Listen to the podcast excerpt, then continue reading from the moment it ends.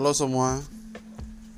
Lanjut di podcast Sebelumnya tentang hasil dari Preakness Stakes Akhirnya Preakness Stakes telah dilaksanakan. Dan hasilnya Rombauer mendapatkan gelar pemenangnya. Medina Spirit yang adalah juara Kentucky Derby Tidak mendapatkan kemenangannya. Proses lari pada race ini seperti biasa, Medina Spirit memimpin. Tapi beberapa tekanan dari belakang hingga terjadi kemelut di 400 meter sebelum finish mengakibatkan Medina Spirit tidak meraih kemenangan. Rombauer yang adalah pemenang dari Preakness Stakes. Dengan demikian, tahun ini tidak ada gelar Triple Crown. Andai kata Medina Spirit meraih kemenangan, maka terbuka lebar bagi Medina Spirit untuk mendapatkan gelar Triple Crown. Agenda ketiga yaitu Belmont Stakes akan diadakan pada bulan selanjutnya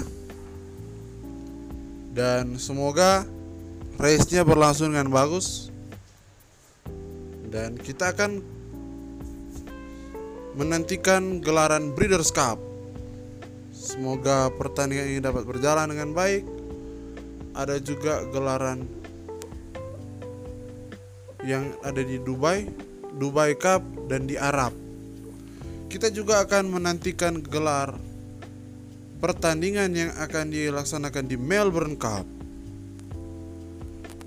Preakness Stakes sudah berakhir dan saatnya menatap untuk Belmont Stakes di seri Triple Crown.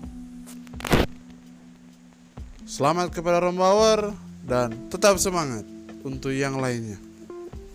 Sekali lagi selamat untuk Rom Power.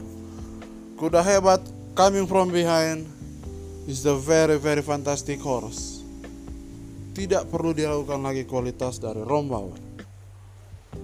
Rombauer kuda kualitas serta dengan joki yang berkualitas. Tadi saya buka-buka tentang pedigrinya. Saya lihat ternyata baik Medina Spirit maupun Rombauer mempunyai bloodline Giant Causeway kalau Medina Spirit itu berasal dari jalur jantan dari Protonico. Sedangkan di jalur dari Rombauer itu ada di induknya. Oke ya. Jadi sebenarnya tidak diragukan lagi. Selamat kepada Rombauer. Sukses terus. Terima kasih.